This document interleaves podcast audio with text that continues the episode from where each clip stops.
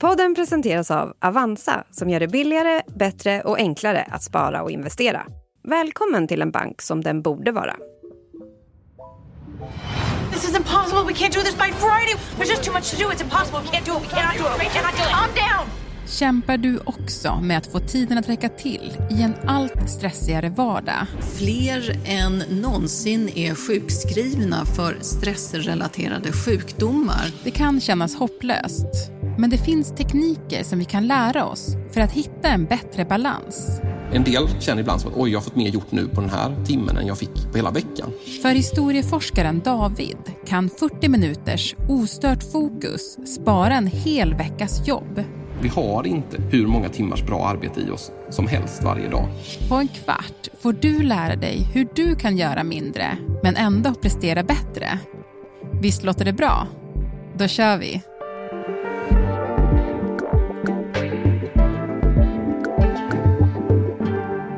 Det är den 10 januari. Det här är dagens story från Svenska Dagbladet med mig, Alexandra Karlsson. Ja, ja men då spelar jag in också. Gäst idag, historieforskaren David Larsson Heidenblad. Du David, jag tycker ofta att jag har svårt att få tiden att räcka till. Och det känns inte som att jag är ensam i det. Varför är vi så många som känner så? Ja, nej, alltså, för det första är det ju det att livet innehåller väldigt många olika saker. Man har jobb, man har relationer, man har intressen. Det andra är att vi lever, ska jag säga, i en mer distraherad tid än vi någonsin har gjort tidigare. Så underhållning är aldrig mer än ett knapptryck bort. Det tror jag gör att vi har svårare att känna att vi har tid för fokus, sånt som tar lite mer tid och energi. Men eh, som jag förstår det är tid inget problem för dig, för du har ju lagt om ditt liv. Ja, jag var med om en slags tidschock kan man väl säga för tio år sedan när vi fick barn första gången. Och det är ju en, liksom en erfarenhet jag har som jag delar med många småbarnsföräldrar. Från att ha kunnat liksom göra vad man vill så får man inte ens sova. Och där någonstans så började jag känna hur, hur ska jag få tid att göra det jag vill i livet?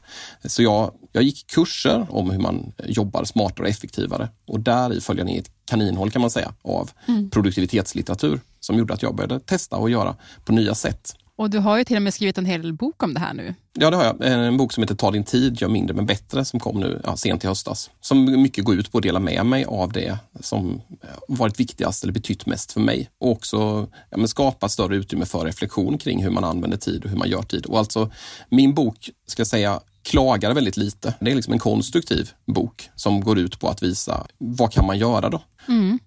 Och du, vi ska ju gå igenom några av dina tips nu. Och ett av de här tipsen det är att man ska djuparbeta. Vad innebär det?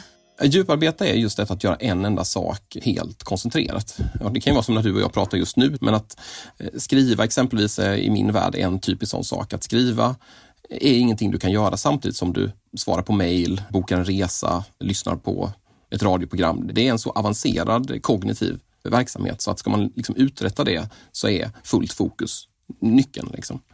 Det svåra här sen är att ha den typen av fullt fokus. Det är rätt krävande, så det kan liksom en människa inte ha i åtta timmar på en dag. Så det djuparbete går ut på är att helt enkelt ja, men jobba i kortare fokuserade pass. Jag jobbar själv 40 minuter, 8 sekunder. En del jobbar med pomodoro-teknik, 25 minuter. Men att man gör liksom en tre, fyra sådana hyperfokuserade pass och sen slutar man. Det är liksom lika viktigt att fullt fokus men också, ja, sen vilar du eller gör något som är lite mindre krävande.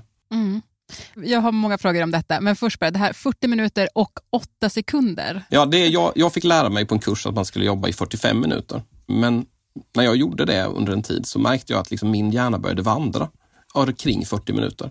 Så jag slutade helt enkelt. Att jag, jag, liksom, jag provade en teknik och sen så anpassade jag det efter mig själv.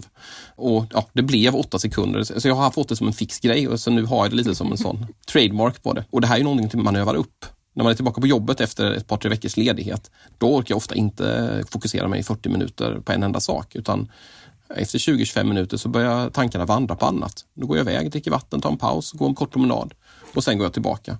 Och sen över tid kan man jobba upp att koncentrera sig längre. Men jag tänker då, då, då gör du sådana här eh, djuparbetspass kan man säga och du sa kanske tre sådana per dag. Ja, tre, fyra sådana per dag är, är en väldigt bra arbetsdag. Ja, men, och då tänker man ju så här, om man tänker då att här, vi som eh, säljer vårt arbete till en arbetsgivare och vi ska jobba åtta timmar per dag. Och, om man då gör en enkel räkning där så är det ju liksom, det är ju absolut inte åtta timmar per dag om man djuparbetar 40 gånger fyra pass. Hur ska man se på det? Är, det liksom, är man latare då? Eller liksom, det intressanta i många arbeten, alltså där man jobbar med huvudet, det är ju inte exakt hur många timmar du klockar utan det är ju vad folk får ut av det. Eh, din chef bryr sig ju inte om hur lång tid det tog för dig att förbereda och spela in det här programmet. Det viktiga är ju hur det blir bra. Sen så har vi också väldigt många arbetsuppgifter som, ska man säga, inte kräver djuparbete. Vissa typer av mejl som man skickar fram och tillbaka eller att sitta på vissa möten. Alltså det finns ju många arbetsuppgifter som måste göras men som inte kräver ditt allra bästa. Så det är liksom en arbetsdag som jag tänker det består av vissa timmar som är väldigt viktiga och sen är det andra timmar som också görs men som har en lite annan karaktär och den här balansen mellan de här sakerna är väldigt viktiga. Mm. Hur håller du det här fokuset då? Har du liksom stängt av notiser eller hur, hur gör du för att inte bli störd av andra saker när du är inne i de här 40 minuterna och 8 sekunderna? Ja, för mig är det, jag har inga notiser på, jag har inte mobilen på, jag har dörren stängd. Så, och det är ju också en annan grej tror jag varför många av oss känner sig mer distraherade. Det är att för många arbetsplatser idag inte ser ut så. Att människor inte har möjlighet att stänga dörren eller att man förväntas vara på Slack hela tiden. Samtidigt då som när du och jag spelar in här nu, jag vet inte om du har din mailklient uppe, men jag tror inte det. alltså, vi har ju förmåga att göra vissa saker fokuserat. En lärare som undervisar i klassrummet, under tiden man undervisar så svarar man inte på mail eller gör några betygsrapporter. Så vi, bevisligen så kan vi avsätta tid där vi är onåbara. Det är något vi ska värna och skydda. För det är liksom, en väldigt viktig del i det här med djuparbete är detta att det kräver mycket det här med fokus. Så att om du är inne i ett djuparbetspass och jobbat 20 minuter och det knackar på dörren, då är det inte så att du två minuter senare kan hoppa in och fortsätta.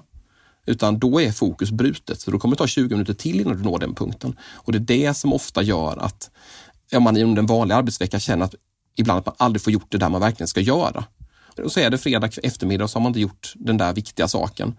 Ja, jag får åka in på lördag och så går man in på lördag, sätter sig en timme och plötsligt så har man fått mer gjort på den här timmen än jag fick på hela veckan. Mm. Och det är ju just för att man för, kanske för första gången den veckan fick göra, jobba ostört. Så om fler av oss skulle kunna jobba ostört varje dag, då skulle viktigare saker bli gjorda. Mm. Vi går vidare då så vi hinner med några fler punkter. En annan sån punkt som du listar är att man ska prioritera som en småbarnsförälder i vabruari. Ja, det är ju den tiden på året nu där man inte vet hur många arbetsdagar man har. Alltså, jag vet ju att mina barn kommer att sjuka mycket de närmaste månaderna och att jag alltså inte har några fem dagars arbetsveckor. Samtidigt kan man inte planera för att eh, typ, jag ska bara jobba 50 procent nu. Man får ju planera som att de är friska. Men sen om de blir sjuka, mitt tips är att man då tar bort arbetsuppgifter snarare än att man försöker få allting att gå ihop på kortare tid. Om 25 procent av arbetstiden faller bort, ja, då måste man göra 25 procent mindre. Och då är frågan, vad är den fjärdedel av det man gör som är minst viktigt? Och småbarnsföräldrar ska jag säga, de, under den här tiden på året, de kastas liksom in i det hela tiden. Vad är viktigast? Om jag bara hinner med en av de tre sakerna jag tänkte göra, vilken är den saken? Och vet man det och gör man det, då kan man ofta hålla liksom en styrfart. Det är klart att det är bättre om man har, liksom, alla är friska och allt bara rullar på. Men verkligheten ser ju inte ut så. Och det är inte bara dåligt. För just eftersom vår liksom säga, kognitiva kapacitet är begränsad. Vi har inte liksom hur många timmars bra arbete i oss som helst varje dag. Men om man inte har yttre gränser som kräver saker av en, då det, kan det ibland bli så att man ja, men du jobbar några timmar till och så jobbar några timmar och så plötsligt har du de här 60 eller 80 timmars arbetsveckorna. Och tre månader senare är du utbränd eller din eh, relation har kraschat. Och, och, det är ju inte bra. Så vi behöver liksom gränser, inget dåligt. Det är något vi ska använda oss av för att liksom prioritera bättre. Men min bild, när det blir så där att man snarare prioriterar bort saker som man anser är typ så lite onödiga, men som kanske ändå typ ger väldigt mycket energi, men som man känner så här, okej okay, men nu har jag varit sjuk eller varit borta från jobbet, bättre att jag jobbar i kapp det än att jag liksom går på bio eller träffar en kompis eller går och tränar. Hur ska man få bort det tankesättet då? Där tror jag en nyckel är att tänka, att fundera över liksom vad som är produktivt eller nyttigt eller solidariskt över lång, på lång sikt. Och att liksom ändå ta hand om sig själv och må bra, det är himla viktigt exempelvis om träning men också sociala aktiviteter och sånt. Tar man bort det ur livet, då blir livet sämre. Kanske inte imorgon, kanske inte om en månad, men om sex månader, om ett år. Det är väl där tror jag också att vi ibland tänker just produktivitet i för korta cykler. Typ, hade jag en bra arbetsdag? Hade jag en bra arbetsvecka? Det intressanta kanske är snarare, gjorde jag viktiga saker 2023? Och då tror jag de flesta människor kommer komma fram till att vissa saker var otroligt mycket viktigare än annat. Inte precis i alla arbeten och sådär, men, men i väldigt många liksom, ska säga, kunskapsarbete, friare arbeten, så är det vissa saker som spelar otroligt mycket större roll och vissa relationer i ens liv spelar otroligt mycket större roll. Och det här är liksom ingenting man kan komma bort från. Så här är livet. Så det får man någonstans hantera och göra val runt. Liksom. Men de valen ska man inte göra efter vad känns bra precis just här och nu. Utan vilka val är jag nöjd med att leva efter om, om, om sex månader, om ett år, om tre år. Men du, du tycker också att man ska avsätta tid bara för att tänka? Ja, ja, det är en annan teknik och det har jag använt i många år faktiskt. Jag brukar försöka avsätta några dagar i slutet av varje termin för att eh, reflektera över terminen som gått och fundera framåt. Typ, vad har känts meningsfullt? Vad har varit roligt? Vad har dränerat mig på energi? Vad har varit stressigt och jobbigt? Och sen när man har gjort en sån då, så att säga, känslokarta över det förflutna så kan man ju fundera framåt. Okej, okay, men finns det något jag kan göra för att göra mer av det här jag bryr mig om och mindre av det jag inte bryr mig om? Detta är ju ett sätt att liksom säkerställa att man rör sig i en riktning som man vill. Och jag gör även det här liksom varje vecka, att jag liksom avsätter en timme eller två på fredag efter lunch. Där jag liksom funderar över veckan som gått och tittar framåt på nästa vecka. Och när man berättar om det här så är det många som säger att hur har du tid? det där skulle jag aldrig ha tid med. Hur har du tid med det? Liksom. Mm. Och jag, mitt svar är att jag skulle inte ha tid att inte ta mig tid för det, för det är det som gör säkerställer att jag gör saker som jag tycker är meningsfulla och viktiga. Annars när jag bara springer på och när jag, när jag kapar den här reflektionstiden, då inser jag ganska ofta att jag är på väg liksom åt fel håll. Det som händer då är att då hamnar man bara på fel plats snabbare om man jobbar hårdare. Men jag tänker så här, om man har ett arbete som man kanske jobbar på ett bygge eller man jobbar inom vården där det är ändå ganska strikt eh, att du ska vara på din arbetsplats ett visst antal timmar och du ska göra vissa antal sysslor. Hur ska man tänka då eller går det att applicera där också? Nej, men dels så de här teknikerna vi pratar om här, det är ju sånt som liksom, ja det gäller arbetslivet men det gäller liksom också livet i stort. Sen så görs det ju många experiment kring att arbeta smartare i andra verksamheter. Jag vet som i Mölndal har man haft det här att man testar fyra arbetsdagars veckor inom vården. Bland annat för att just skapa bättre arbetsvillkor och inte lika mycket sjukskrivningar, inte lika stora svårigheter att liksom bemanna. Och det här med pauser och sånt, det tror jag är väldigt viktigt att inse det också från ett arbetsgivarperspektiv, att folk har pauser och semester och helger och sånt. Det är ju en investering i liksom verksamheten, att människorna mår bra i den. Så jag, jag tänker egentligen också att de här sakerna är på en kollektiv nivå är viktiga. Det kanske inte alltid är den enskilda liksom arbetstagaren som kan styra över sin tid så som jag kan göra exempelvis. Men för organisationen så finns det alla möjligheter att eh, använda en hel del av de här principerna för att skapa en bättre arbetsplatskultur med det som är viktigt. Ett råd eh, som låter så otroligt vackert, det är att man ska se sinnet som blankt vatten. Vad betyder det? Ja, det här uttrycket är från karate ursprungligen tror jag. Och det handlar om att du ska tänka dig att ditt sinne som ett stilla hav och om det säger att det kommer någon kastar ner en sten i det havet, då sväljer bara havet stenen. Det skvätter så mycket precis det behöver och sen när stenen har landat, då är det liksom havet blankt igen. Det här är liksom en metafor för hur man ska tänka sig sitt sinne. Att om man tänker att grundinställningen är att du ska ha det här blanka vattnet. Sen händer det alltid någonting. Typ någon blir arg på dig eller dina barn skriker på dig. Vad som helst kan hända. Och ja, det händer. Då får du göra liksom en rimlig reaktion på det. Och den rimliga reaktionen är inte att du ska bli en storm, utan det är att du reagerar så som vattnet gör, alltså precis som det ska reagera. I realiteten för människor så är det oftast inte så. Vi brusar ofta upp oss över saker och i efterhand ångrar vi att vi reagerade för starkt på någonting.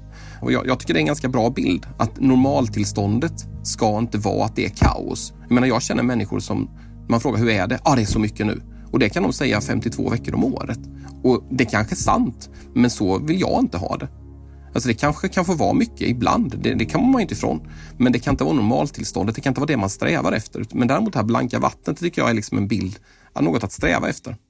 Om jag nu skulle försöka göra alla de här sakerna, eller försöka leva efter det här lite mer, var kommer jag då vara om ett år? Alltså, alltså var hamnar man någonstans? Jag tänker att eh, den här boken jag har skrivit, den är liksom inte en paketlösning. Gör de här tio sakerna och sen är ditt liv annorlunda. Så funkar det inte riktigt utan Jag tänker att om man läser boken och lyssnar på programmet och tar med sig en sak som man testar och som kanske blir något som man jobbar med. sen man börjar prova att jobba i sådana här djuparbetspass eller någonting. Eller att man avsätter en dag den närmaste månaden för reflektion.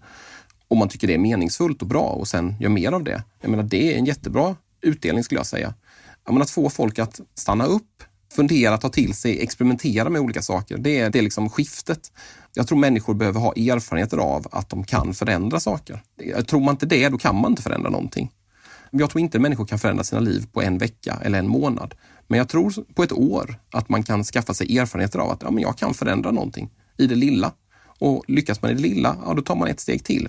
Men en lite mer harmonisk relation till tid hoppas mm. jag man kan ha om ett år. Mm. Det låter underbart. Tack så jättemycket David. Tack så mycket.